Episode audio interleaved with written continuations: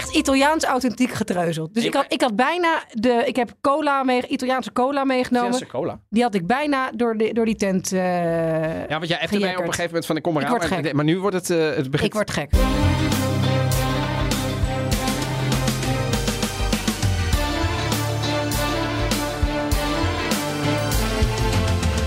Welkom bij weer een nieuwe aflevering van de Italië-podcast. Ik ben Evelien Redmeijer. Ik ben Donatello Piras. In deze aflevering gaan we het dan eindelijk hebben over een ingewikkelde en vooral zware periode uit de Italiaanse nabije geschiedenis. De Lode Jaren, gli anni di piombo.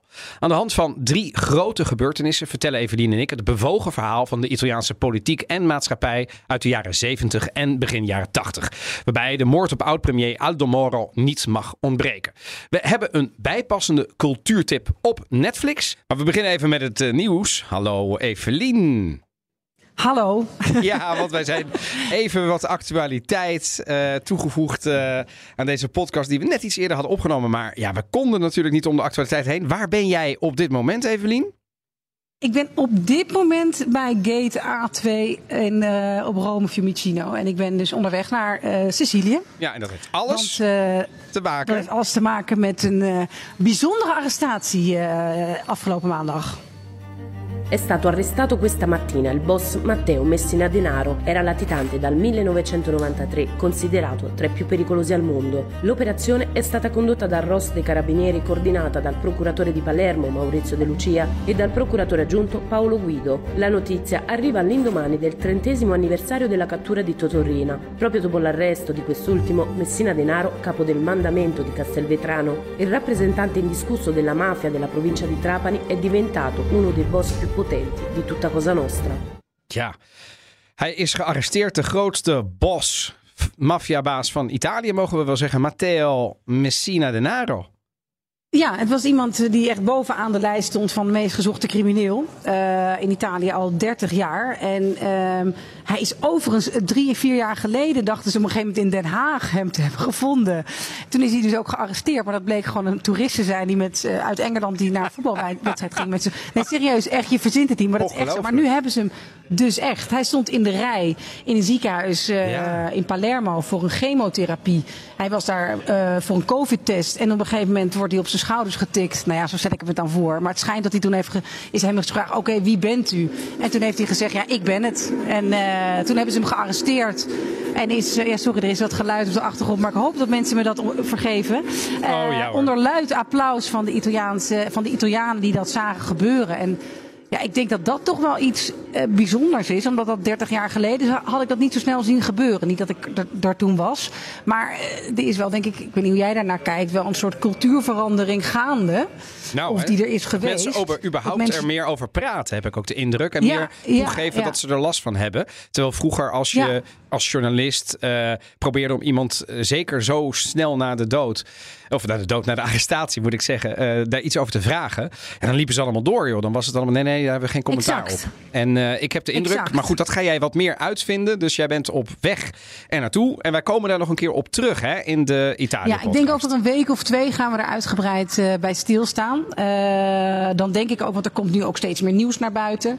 Eh, hij heeft bijvoorbeeld iedereen dacht, hé, waar heeft hij dan al, die 30 jaar gezeten? Want het is 30 ook jaar? iemand- Ongelooflijk. Dus 30 jaar voor het vluchtigen. En meestal is het zo dat die, dat die grote, eh, die, die bazen gewoon best wel dicht bij een huis blijven. En ook dit, hij is gewoon in zijn geboortedorp, heeft hij 30 jaar gezeten.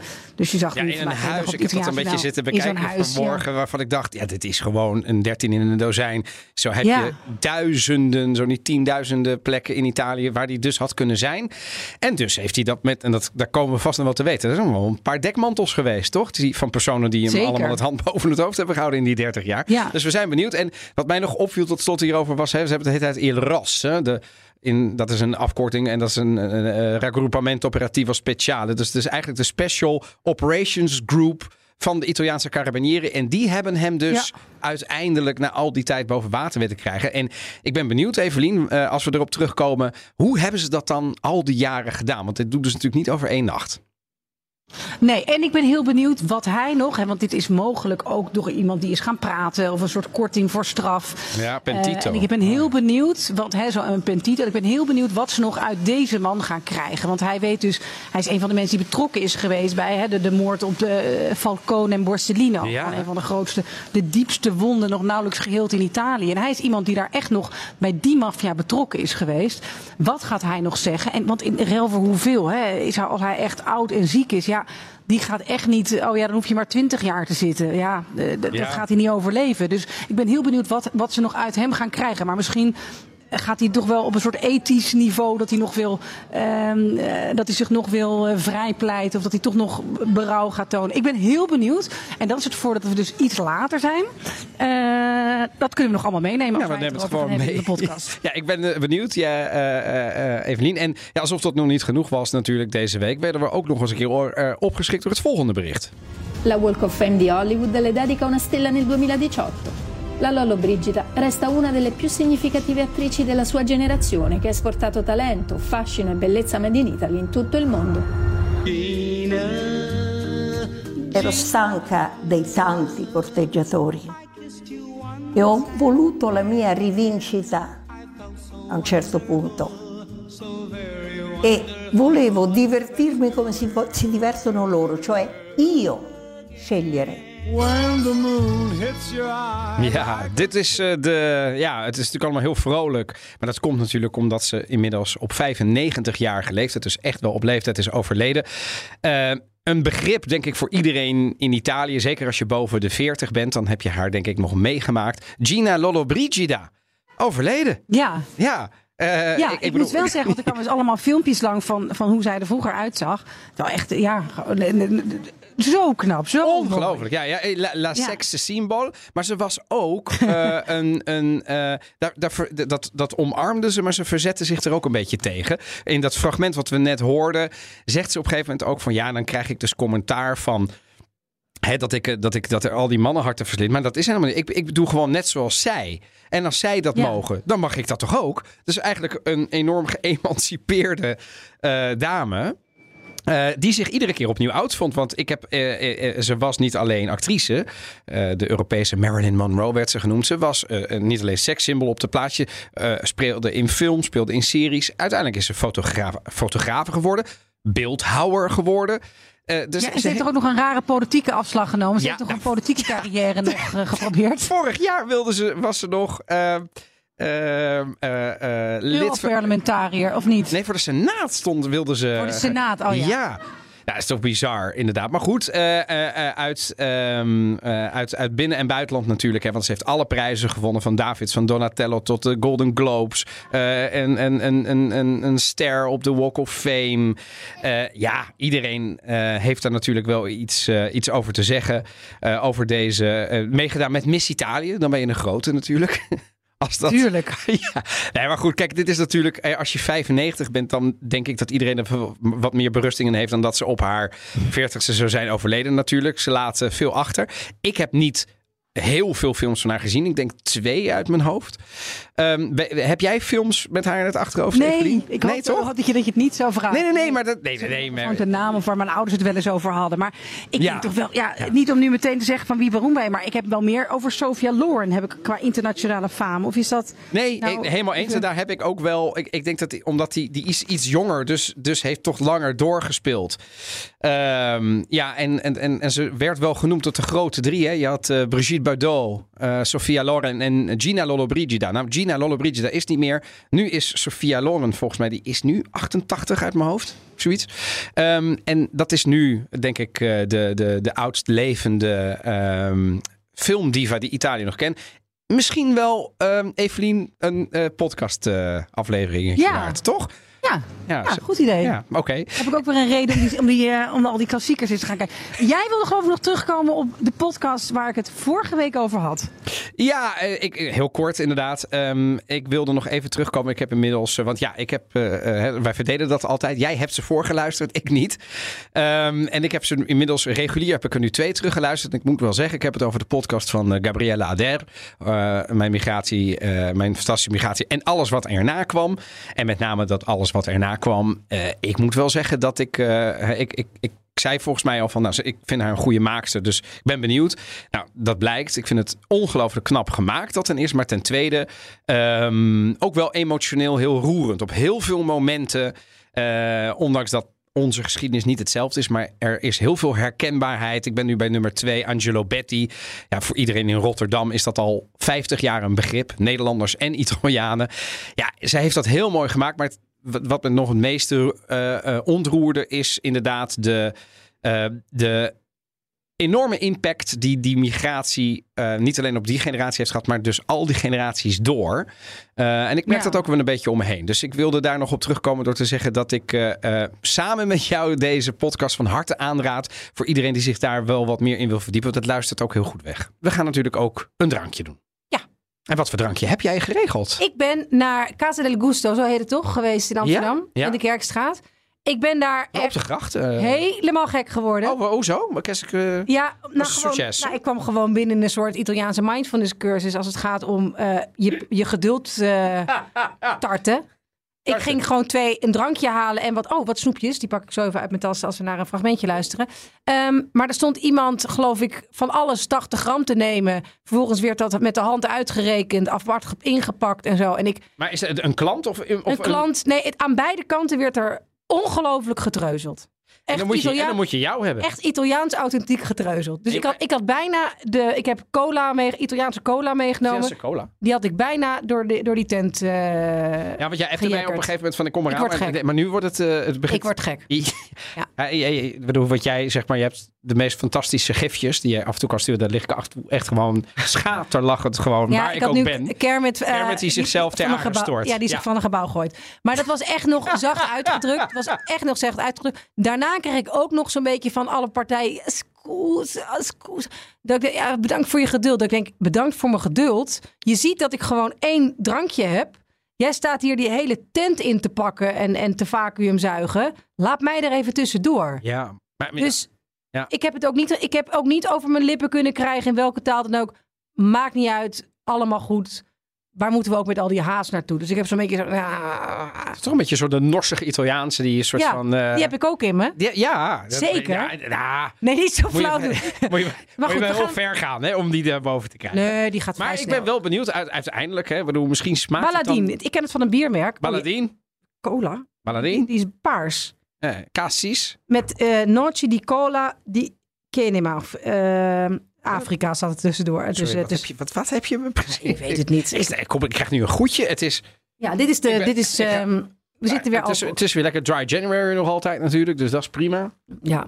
We hebben net Blue Monday Best achter de rug. Best lekker. Of Best lekker. Toch? Oh. Wat minder zoet dan cola. Oh, lekker. Het is Ik een, denk- beetje een, uh, een beetje een bitter. Ja, maar, Oh, daar hou ik zo van. Oh, lekker zeg. Maar ook niet zo zoet inderdaad. Ja. Maar wat is het? Hoe heet het? cola. Oh, het is gewoon cola. Cola Baladin, Gusto Italiano. Eh, ze hebben er allemaal echt... Want dat vind ik wel geinig. Kijk, het is helemaal niet zo... Maar je wil af en toe iets feestelijks drinken... dan als je dus even geen wijn of bubbels. En er zijn allemaal vrolijke alternatieven voor. Dus ik zou er eventjes naar binnen lopen als je in de buurt bent. Of zoek het even op. We zetten het eh, erbij. De bibite van Baladin. Ik ken het vooral van de eh, speciaal bieren. Maar dat is even niet ehm, aan de orde. Maar ik vind het, het is interessant. Het is, het is de Italiaanse cola variant. Hè? Ja. Want Ita- Ita- Ita- het echte is Amerikaans. En, en zo uit Italië, eh, eh, en daar gaan we het vandaag uitgebreid over hebben. Ook een aparte smaak van het communisme. En daar gaan we het Mooi vandaag bruggetje. ook over Mooi hebben. bruggetje.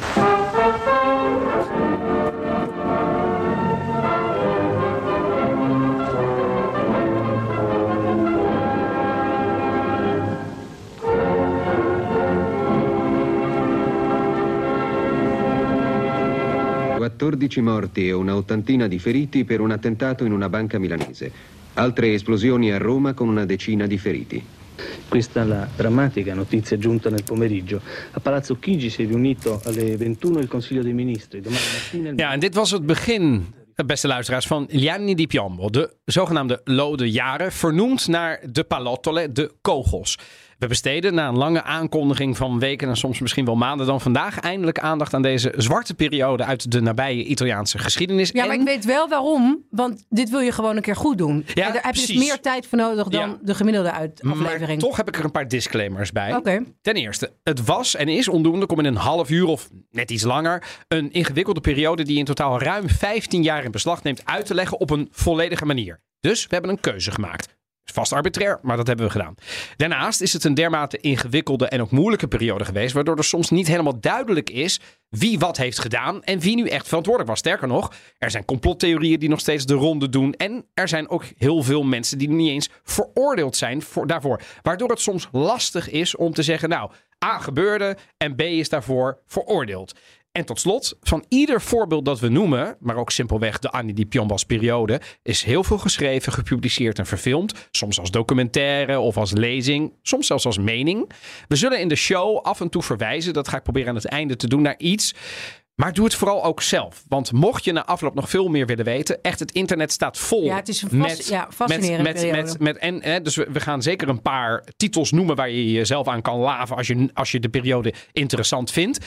Maar nogmaals, je kunt met zelfstudie kun je nog veel meer doen. Ik heb me in de aanloop hier naartoe uren kunnen vermaken met allerlei docu's, podcasts, et cetera. En, en ik ben nog niet eens, ik heb niet eens het gevoel dat ik halverwege ben. Ik denk dat ik de eerste keer dat ik met de Annie Di Piombo te maken had, dus met de Lode Jaren, was in de film, die hier is uitgebracht als film in Daarmee 2D. Gioventù. Esatto, Ja. Dameo Gioventù. Een mooie film, mooie, ja, Hele mooie film. Lang overigens, over lang Ja, maar het was een reisserie. Dus, Ja, dus daar ja, mag. Ja. Maar dat, daar was Lameo Gioventù, daar radicaliseerd. Hè. Zij waren sowieso, zaten ze daar bij de.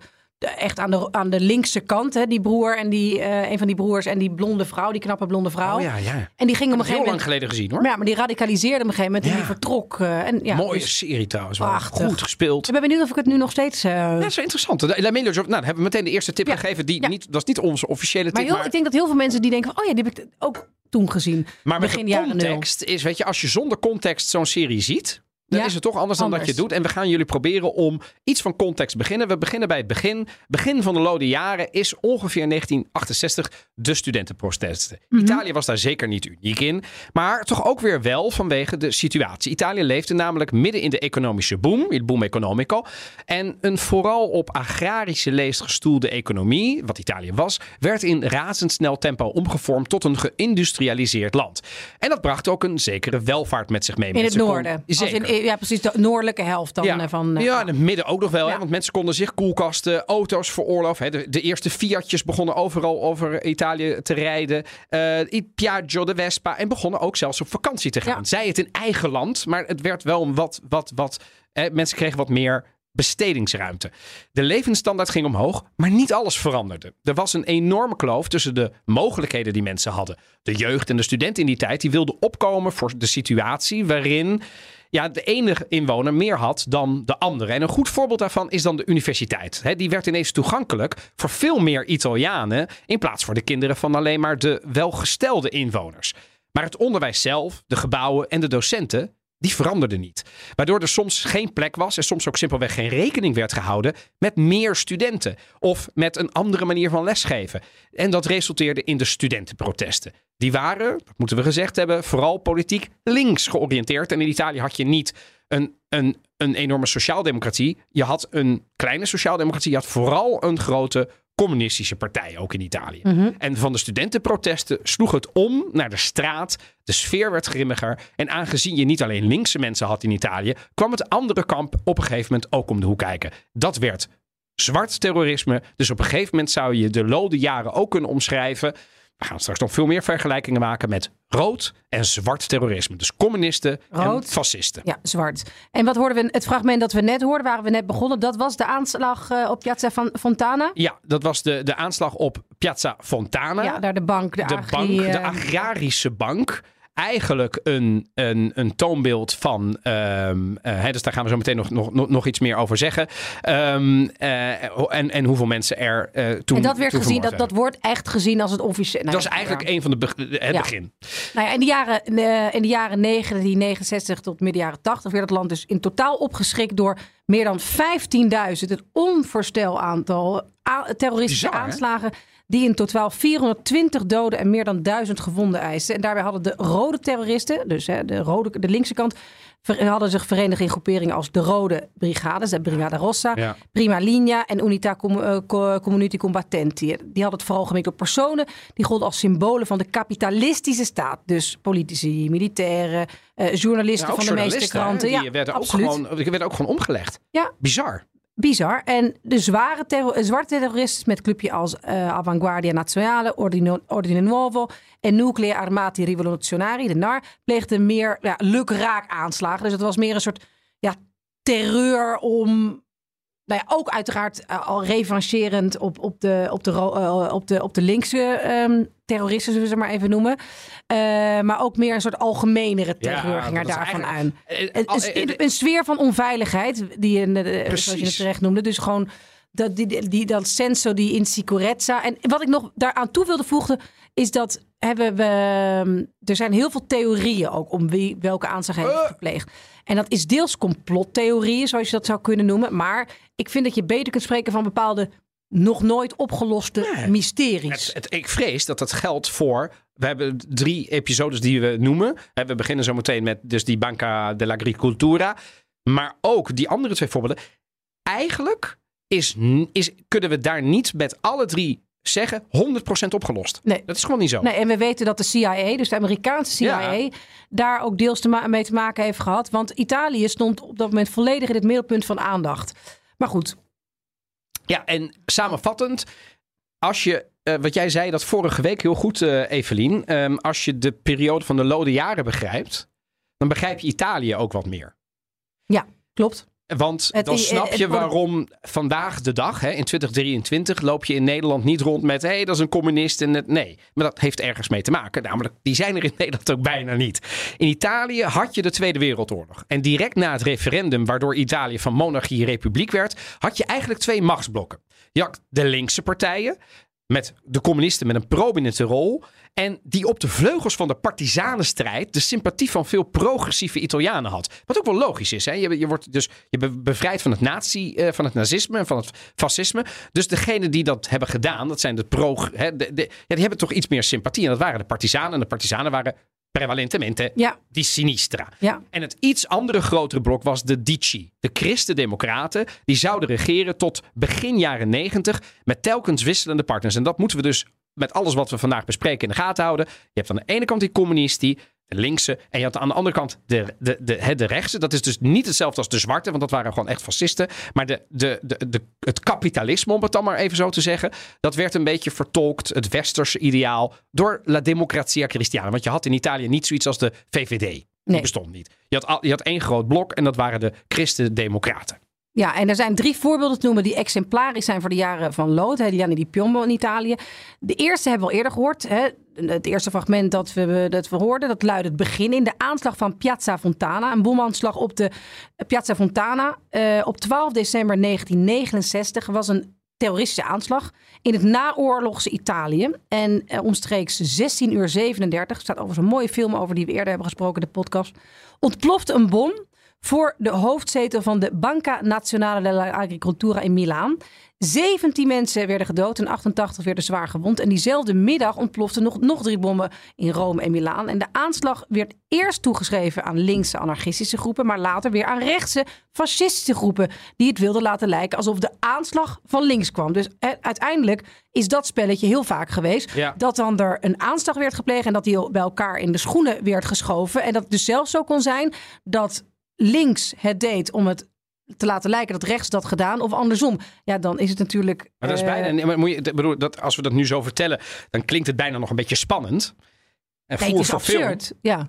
Maar je moet je voorstellen, dat, bedoel, daar- daar waar, zijn- waar is dan de gerechtigheid in een rechtsstaat op het moment dat je denkt, nou we hebben de schuldigen te pakken. En je komt er dus gaandeweg het proces achter dat het helemaal niet zo is. Nee. Maar dat het eigenlijk door de vijand, of door, de, door, de, door, de, door het tegenovergestelde. Ja, het is, dat, is, dat is natuurlijk niet meer te doen. Ja. Nou, inmiddels is de uitkomst wel dus dat de rechtse Ordine Nuovo dit heeft gedaan, hè, die, die aanslag in Milaan. Als we iets meer uitzoomen, was Italië toen al hopeloos verdeeld. Aan de ene kant had je dus progressief linkse Italianen die meer mensenrechten, burgerrechten, zoals abortus, euthanasie, onderwijs en rechten voor arbeiders opeisten. Maar dat wel onder de naam van de communisten in een westers land als Italië, een NAVO-land. En dat werd natuurlijk in die tijd van de Koude Oorlog, vooral door de Verenigde Staten, nou ja, met argusogen bekeken. En er zijn talloze theorieën dat rechtse aanslagen soms zelfs mede mogelijk gemaakt zouden zijn door nationale en soms door internationale militaire veiligheidsdiensten. Moet je je voorstellen wat dit betekent. Sommige geheime agenten hebben zelfs bekend samen te hebben gewerkt om te voorkomen dat Italië communistisch zou worden. Ja. Toenmalig Secretary of State Henry Kissinger, die was als de dood en liet dat ook in woord en daad merken bij bijvoorbeeld bezoeken van de Italiaanse premiers of presidenten. En in dat geopolitieke speelveld werd de interne strijd steeds heftiger. Rood tegen de instituties en rechts, en jij hebt net al heel mooi gezegd, eh, Evelien, wilde vooral onrust en angst zaaien. En die periode staat dus ook bekend als de anni di tensione. En ik heb het nog eens nagevraagd, niet alleen bij mijn ouders, maar ook bij andere Italianen die wat ouder zijn, zeg maar mijn ooms. Omdat je nooit wist in quale treno, banca, saltava in aria. Dus je wist bizar? nooit Ja. of je de trein zou pakken in de jaren zeventig, of dat de bank of de politicus nu weer in de lucht zou vliegen. Ja. En dat was dus, als je het over 15.000 hebt, era l'ordine del giorno. Dit gebeurde ongeveer iedere dag wel ergens. Ja, dat moet een ongelofelijke sfeer van angst hebben Ja. gezaaid in die, in die tijd.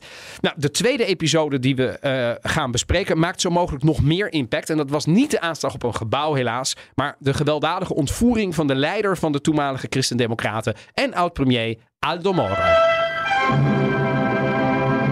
Buongiorno, il presidente della democrazia cristiana Aldo Moro è stato rapito questa mattina alle 9.10 da un comando di terroristi mentre usciva dalla sua abitazione al quartiere Trionfale per recarsi a Montecitorio dove alle 10 era fissato l'inizio del dibattito, il primo dibattito parlamentare sul nuovo governo Andreotti. Moro era scortato da cinque persone, i terroristi hanno fatto fuoco, secondo le prime notizie quattro dei cinque uomini di scorta, due carabinieri e due agenti di pubblica sicurezza eh, sarebbero morti. Ja, dit is een, een fragment van het onmiskenbare TG, het Telegiornale of het Italiaanse journaal. Herken je de stem? Hetzelfde tune is nog. eh, dat- dat- is dat Bruno is- Vespa? Ja. Is dat bizar? Dit is nog steeds een hele goede. Hij heeft nog steeds dezelfde stem. Ga naar Rij Uno voor de mensen die dat thuis kunnen ontvangen. Eh, Ga om half elf, elf uur daar naar kijken. Door, de weeks. Het programma heet Porta Porta. Dat is de Italiaanse late night talkshow. Wordt gepresenteerd nog Ik steeds vind wel door dat hij deze goed man. is. Ik vind het wel, hij is echt heel goed. hij Het is wel een boezemvriend van Berlusconi. Dat vind ik er wat minder aan. Ja, maar hij, ik bedoel, je Hij kunt is wel je- een goede interviewer. je- je- precies, en een schrijver en een, ook qua journalist. Hij heeft ongeveer alle, en dat merken we nu ook, alle eh, hij? Dat sleutelmomenten. ga ik even opzoeken. Ik denk dat hij inmiddels eh, bijna 80 is. denk dat dat hij dat hij 80 alle is. sleutelmomenten in de Italiaanse geschiedenis in het naoorlogs Italië heeft hij, heeft hij zelf verslag van gedaan. Ah, je hebt gelijk, 78 jaar. Ja. En ik bedoel, ik weet ook nog, de, in L'Aquila, daar komt hij zelf vandaan, in eh, Abruzzo, Mhm. eh, tijdens de aardbeving, Aardbeving. eh, ging die weer, omdat hij het niet kon laten, ging die weer met, met zijn microfoontje in Oh, een ja? helikopter zitten. Ging die, dat is tien jaar geleden ongeveer uit mijn hoofd, zoiets. Ja, Iets- begin iets- jaren nul, iets langer. ja, Ja. iets langer. En dus deze man is, het- ja, het is toch echt wel een journalist. Maar dit was inderdaad ehm, Bruno Vespa. Ja, 2009, eh, Ja. de aardbeving in L'Aquila. Wel even bij de feiten blijven. ja heel goed. heel Maar goed, nee, ja. dat, dat, dat, de fouten kunnen ons niet... Gevoelsmatig, nee, eh, ze- dat voelde iets langer geleden. Na de Italiaanse verkiezingen van 1976 behaalde de PCI een historische, dus de communistische partij, een historische 34% van de stemmen. En werd Moro een uitgesproken voorstander van de noodzaak om een dialoog tussen de eh Democratia Christiana, de DC, en de communistische partij te beginnen. Nou, en je, moet je voorstellen, een soort VVD is dat.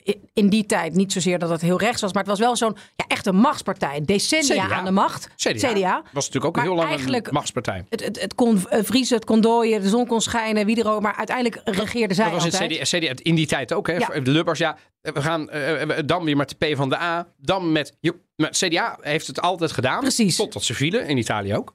En uiteindelijk wilde Moro dus vanuit dat midden, omdat er dus zo'n grote historische overwinning is van 34%, gaan praten met de communisten. Hij wilde, om, eh, als doel had hij daarbij om de democratische basis van de regering te verbreden. En dus ook daarmee de communisten betrekken in de parlementaire meerderheid. Logisch, zou je zeggen. Ja. En de kabinetten hadden een groter aantal kiezers en partijen moeten kunnen eh, vertegenwoordigen. Dan, dus voelde hij zich genoodzaakt om in ieder geval te gaan praten en nog liever te gaan samenwerken. En dit proces stond bekend als het historisch compromis. Ja, dus het, het historisch compromis tussen links en, en, en rechts. Ja. Eigenlijk het verbinden van de twee polen.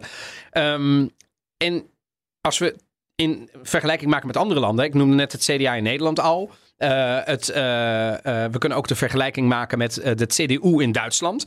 Daar is ook wel van bekend hè, dat er nooit een partij ter rechterzijde van de CDU mag komen. Dat is een doctrine binnen Mhm. de CDU. Waarom? Dat is bij, per definitie dan waarschijnlijk een extreemrechtse partij. Ja, nee, ik snap het. En, en, en, en dat speelde bij de DC natuurlijk ook. Dus die probeerde de extreme weg te halen. Moro was, wat dat betreft, vond ik wel een visionair. En die dacht, ja, je had in die tijd een andere charismatische politicus. En dat was Enrico Berlinguer. En dat Mhm. was de leider van de Italiaanse communisten. En hij brak dus tussen die eh, eh, in de jaren zeventig door met de communistische partij van de Sovjet-Unie en, en implementeerde samen overigens met ook Spaanse en Franse communistische partijen een soort nieuwe politieke ideologie die bekend staat als het zogenaamde eurocommunisme. Nou, maar zo'n stap, dat maakte de uiteindelijke samenwerking acceptabeler voor zogenaamde christendemocraten. Dus wat hij heeft gedaan is, hij brak met Moskou. Hij heeft dus letterlijk ook gezegd tegen de Sovjet-Unie, ik, ik wil niks meer te maken hebben met Moskou of met het Sovjet-communisme. Woedende eh, eh, communisten toen in die tijd. En hij wilde dus een soort nieuw Italiaans communisme zijn. En dat maakte dus uiteindelijk de weg wel vrij in een moment van diepe sociale crisis in het Italië van toen. Maar dat bleek nog niet zo simpel te zijn. Nou, het voorstel van Moro begin 1978 om dus een kabi- kabinet op te richten bestaande uit de Christen-Democraten en de Socialisten. Extern gesteund door de communisten, dus een soort ja, steun. Gedoogsteun, hè? wat Wilders dus was. eh van ook niet zo goed heeft- uitgepakt toen, goed. Dat stuit op vele tegenstanders van beide grootmachten. De Verenigde Staten vrezen dat de samenwerking tussen de partijen, de communisten, uiteindelijk in staat zou stellen informatie te, krijgen, te verkrijgen over strategische militaire plannen en installaties van de NAVO. Klinkt nogal logisch. aanwezig in Ja. Italië.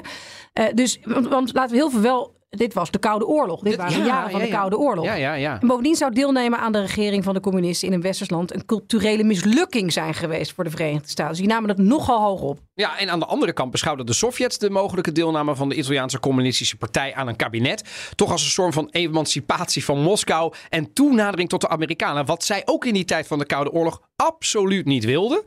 Dus ja, wat gebeurde er? Op 16 maart 1978 blokkeerde een eenheid van militant extreem linkse organisatie. Die uiteindelijk bekend zou worden als Le Brigate Rosse, de Rode Brigades. In Rome het konvooi van twee auto's dat Moro vervoerde, ontvoerden hem. Waarbij zijn vijf lijfwachten, waaronder il Maresciallo della- dei Carabinieri, werden vermoord. Ongelooflijk. Op de dag van zijn ontvoering was Moro op weg naar een zitting van de Kamer. waarin een bespreking, let op, zou plaatsvinden. over een motie van vertrouwen voor de nieuwe regering onder leiding van Giulio Andreotti.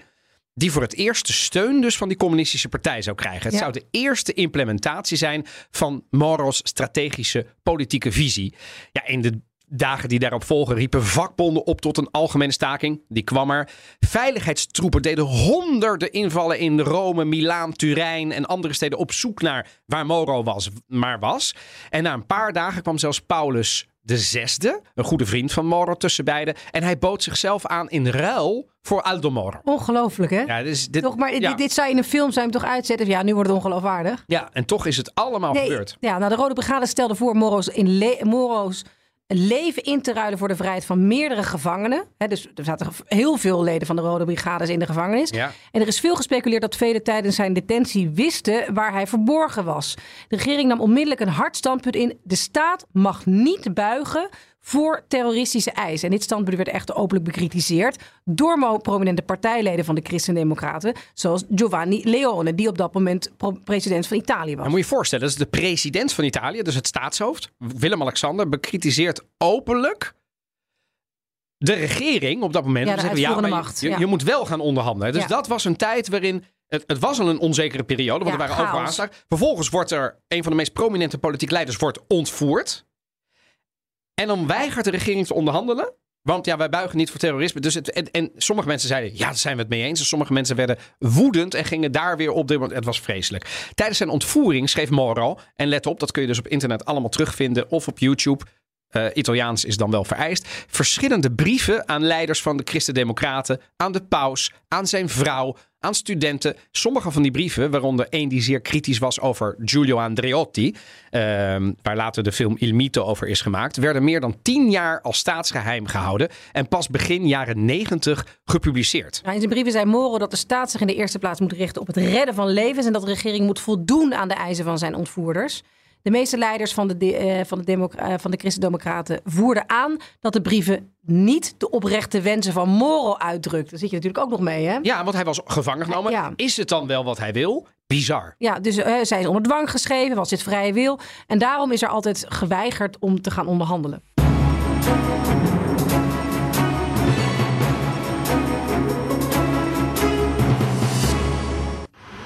30 years ago this month, the extreme left terrorist group the Red Brigades murdered former Italian Prime Minister Aldo Moro, who they'd kidnapped and held for nearly two months. Moro was the head of the Christian Democratic Party, which was moving towards a parliamentary coalition with the Italian communists, something opposed by some in the far left and which worried Western powers, particularly the US. Italy's interior minister at the time was Francesco Cossiga, who took a hard line and refused to negotiate with the Red Brigades for Moro's release. Tja, En uiteindelijk werd hij dus door de Rode Brigades vermoord op 9 mei 1978. Zwarte bladzijde uit de Italiaanse geschiedenis. En uh, de, terroristen, de ontvoerders, plaatsten Moro in een auto.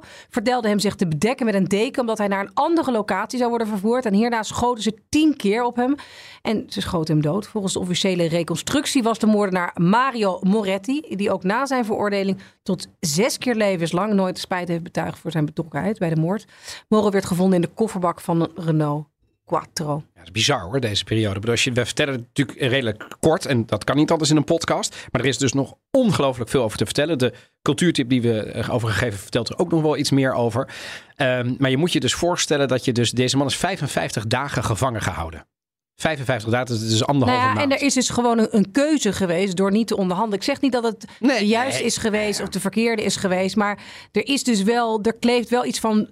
Uh, ja, begrijp, begrijp wat ik bedoel? Nee, nee, nee, nee en, maar, maar dit is, dit is tot op dag... de dag van vandaag. Ja, ja. Er zijn dus parlementaire enquêtecommissies geweest. Tot op de dag van vandaag, 2023, zijn er dus nog uh, onduidelijkheden.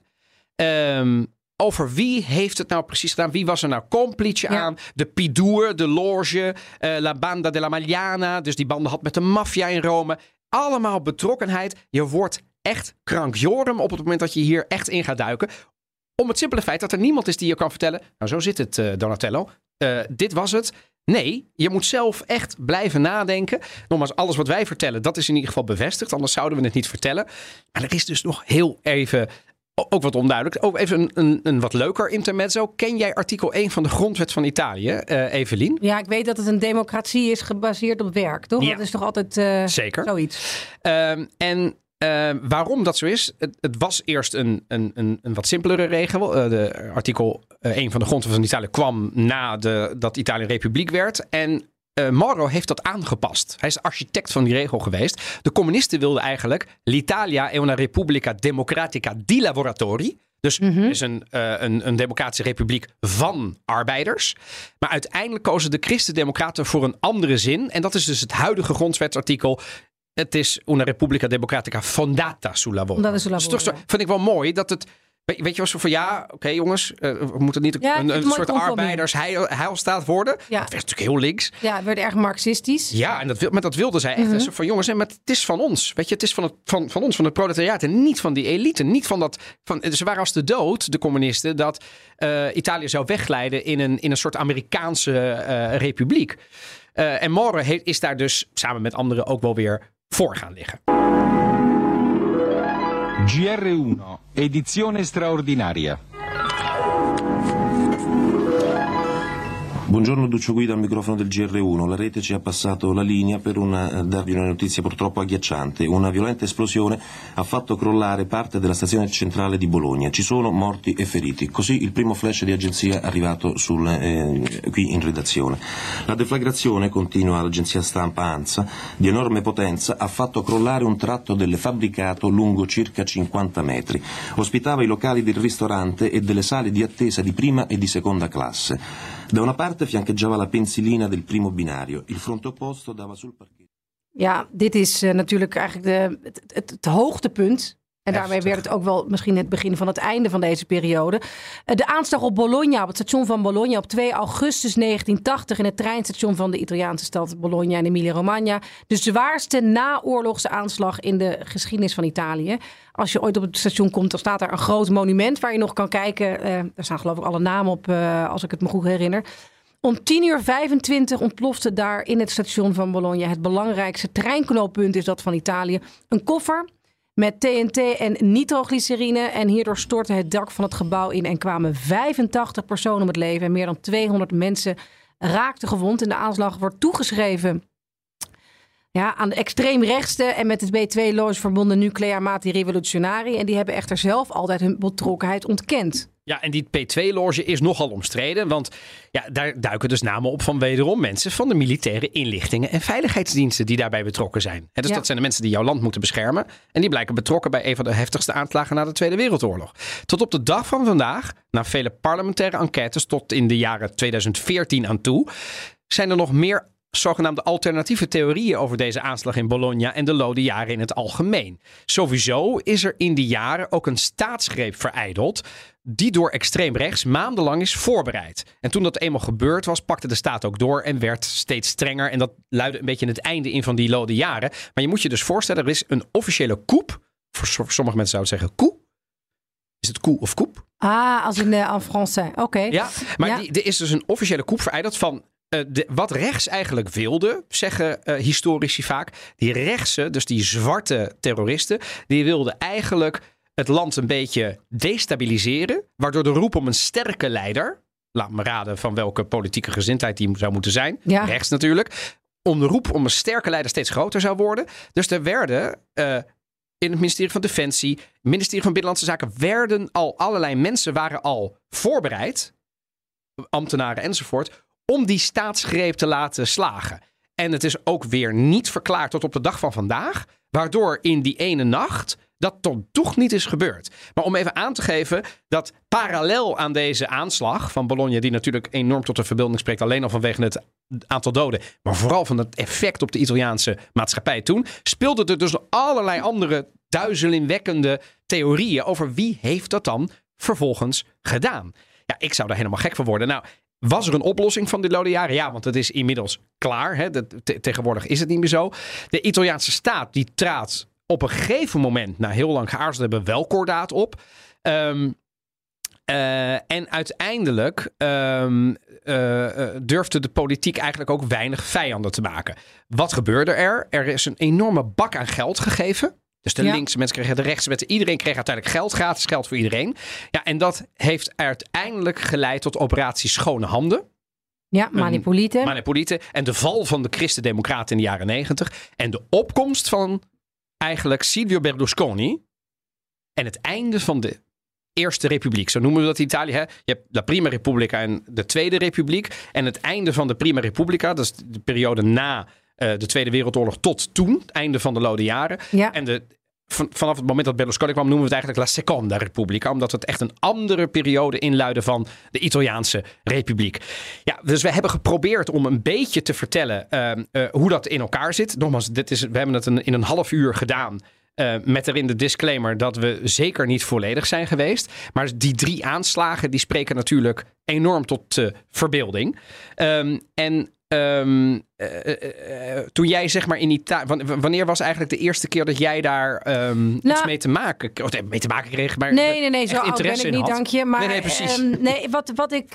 Ik eet trouwens nog zo'n snoepje van... Ja, van uh, Casa del Gusto. Ja, en de, ik weet nog dat ik in 2016 Toen, eh, toen leerde ik eh, mijn huidige vriend kennen, Lorenzo.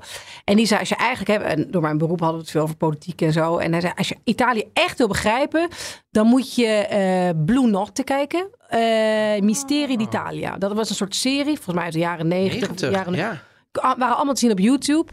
Gewoon allerlei dingen. Er zijn ook vliegtuigen van de radar verdwenen. Er zijn gewoon hele vreemde dingen gebeurd in de jaren 70 en 80 in To Italië. put it mildly. To put it mildly.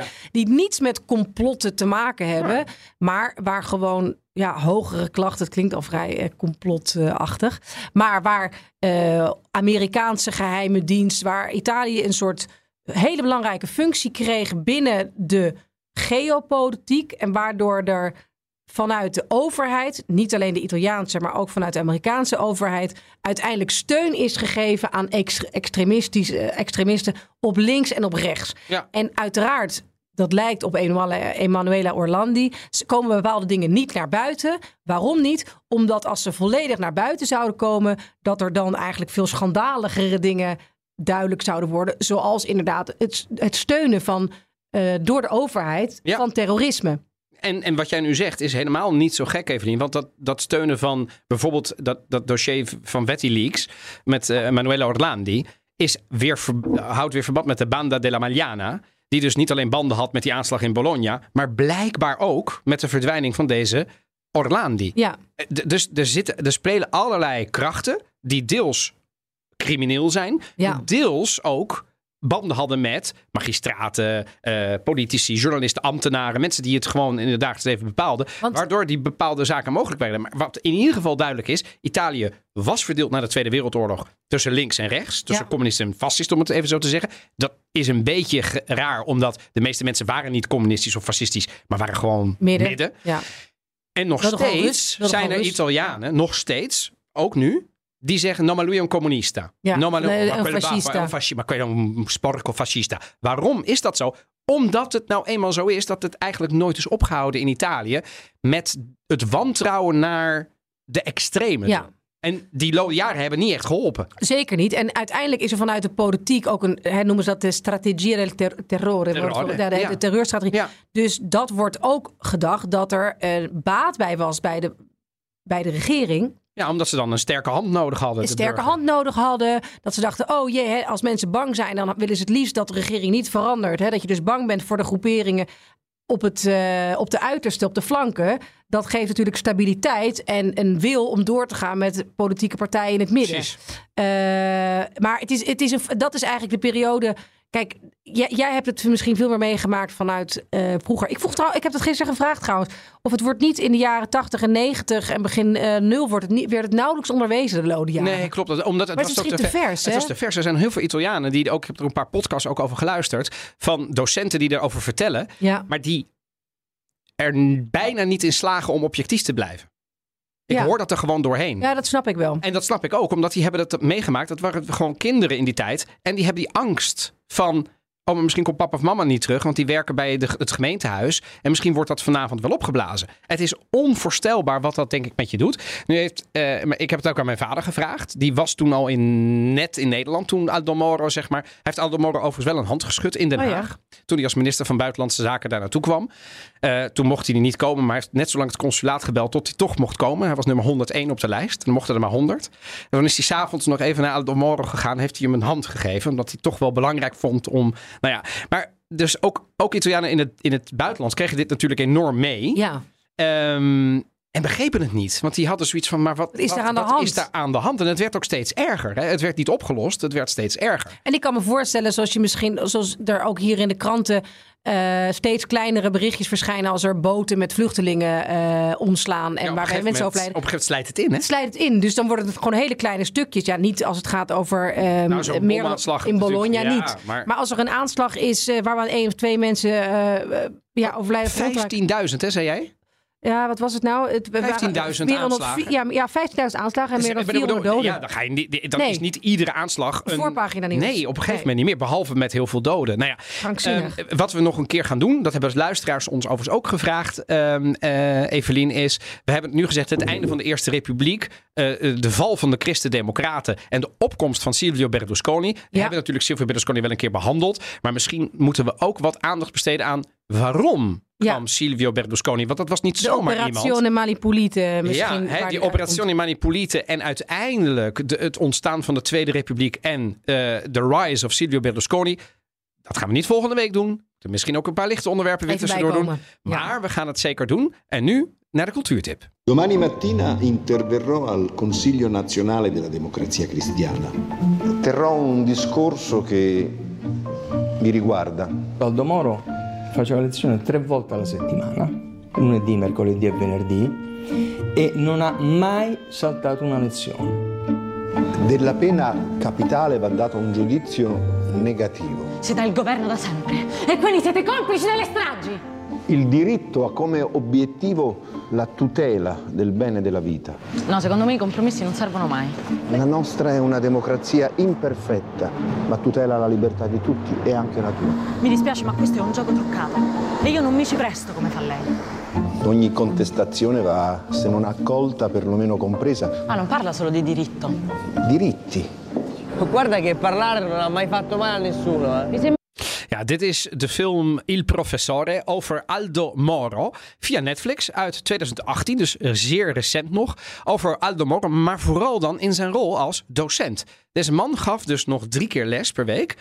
Denk, ik moet toch denken Aan aan, Rutte. onze Ja, ik Mark, ook. Ja, ja. Hè, die ook eh, één keer in de week les geeft. En hij heeft, vertelt de overlevering, nog nooit een les gemist. Totdat hij ontvoerd werd. En op de dag van zijn ontvoering, dus op 16 maart 1978, had hij een afspraak gemaakt voor vier van zijn studenten om de inaugurele reden van Andriotti bij te wonen. Hij zou diezelfde dag een faculteitsraad bijwonen en een zogenaamde scriptiesessie. En de met bloed bevlekte scripties die zijn uiteindelijk in de Fiat 1300 met kogels doorzeefd teruggevonden. Nou, dit vergeten verhaal is het uitgangspunt van deze film, De Professore. Het is een, een docufictie, noemen ze het. Uno heeft het ooit al uitgezonden en nu staat het dus op Netflix. Met een magistrale acteur Sergio Castellito, geregisseerd door uh, Michiquet. Uh, het wordt dus verteld vanuit het standpunt van Moro's studenten.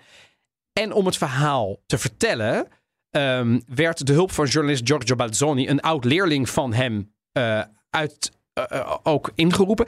En die studenten die komen, mannen en vrouwen, volgens mij zijn het er vier, komen ook. De, de echte studenten anno nu komen aan het woord. Oh, wat interessant. Dus je ziet een, een stuk film.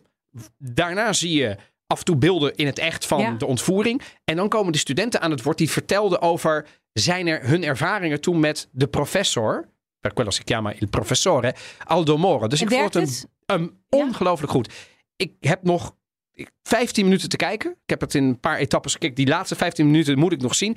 En die ga ik zeker vanavond bekijken. Want het is een ongelooflijk fascinerende film.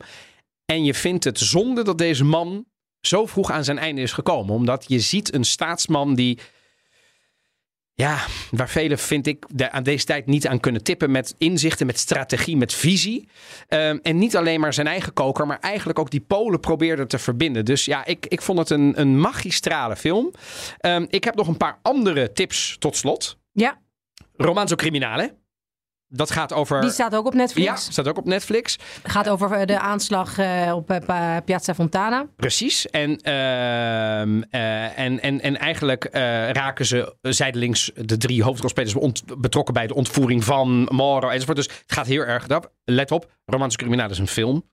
Fiction, hè, dus het is geen docu. Romanzo di una strage uit 2012. Die is volgens mij niet meer op Netflix te vinden. Dus die zou je even op een andere manier moeten doen. Maar dat, dat gaat over Bologna. Maar ook docus en lezingen via YouTube. Onder andere, als je Italiaans beheerst, kijk naar professor Alessandro Barbero. Dat is eigenlijk gewoon een professor uit, uh, uit Piemonte, uit Vercelli. En die in, gespecialiseerd is in de middeleeuwen. Maar hij kan ongelooflijk goed vertellen. En er staat een uur lang een lezing over Aldo Moro van hem. Mm-hmm. Die hij gewoon in zijn, in zijn overhemd geeft echt het bekijken waard als je Italiaans spreekt. Hetzelfde met uh, Mysterie, die Blue Note. Uh, Blue ja, die, uh, ja, want dat noemde ja. jij. Dat vond ik ook echt ja. een hele mooie aanvulling. Was ik helemaal vergeten. La Meglio Gioventù vind ik ook één. En tot slot, dat zijn geen films fictie. Maar je zou ook lange interviews kunnen kijken met bijvoorbeeld president Cossiga. Die wordt een uur lang geïnterviewd over de moord op Aldo Moro. Doet daar ook nog wel wat uitspraken op, bijvoorbeeld over Kissinger. Een interview met Adriana Faranda. Dat is een, een lid van de Rode Brigade die hem heeft ontvoerd. Die heeft gezien dat hij vermoord is. Uh, sommige zijn in het Engels, maar vooral heel veel in het Italiaans. Dus je level Italiaans moet wel een beetje voldoende zijn om het uit te houden. En hiermee zijn we dan aan het einde gekomen, Evelien, van uh, Gianni Di Piombo. Wat een aflevering. Wat een aflevering. Ja, een ik aflevering. dat mensen toch een beetje. Maar goed, het kan niet alleen maar uh, leuk zijn nee, in Italië. Zeker niet, zeker niet. En dit was een, recht een essentieel onderdeel van de Italiaanse geschiedenis. Voor volgende week gaan we naar het heden. Helaas, al- althans, uh, niet een licht onderwerp. Ook niet. We gaan namelijk kijken naar de Italiaanse link met het uh, Marengo-proces. Mokromafia. Mokromafia, die is er. En hoe? Daar gaan we volgende week uitgebreid induiken. Dat doen we niet alleen. Nou ja, wel met z'n tweetjes zitten we hier. Maar uiteraard hebben we ook fragmenten van uh, misdaadjournalisten in Nederland die hier iets over vertellen. Dus uh, luister die en je bent helemaal bij. En wil je nou nog meer afleveringen van Italië podcast luisteren? Deze wat uh, meer educatieve, maar zeker ook de wat lichtere onderwerpen. Je vindt ons in de BNR of in je favoriete podcastplayer. Abonneer je direct, geef ons 5 sterren op Spotify of op Apple Podcast. Ja, dat helpt echt, jongens. En als je ons wil vinden, je weet ons te vinden via onze Instagram en anders natuurlijk via onze mail. Tot de volgende week. Ciao, ciao. Ciao.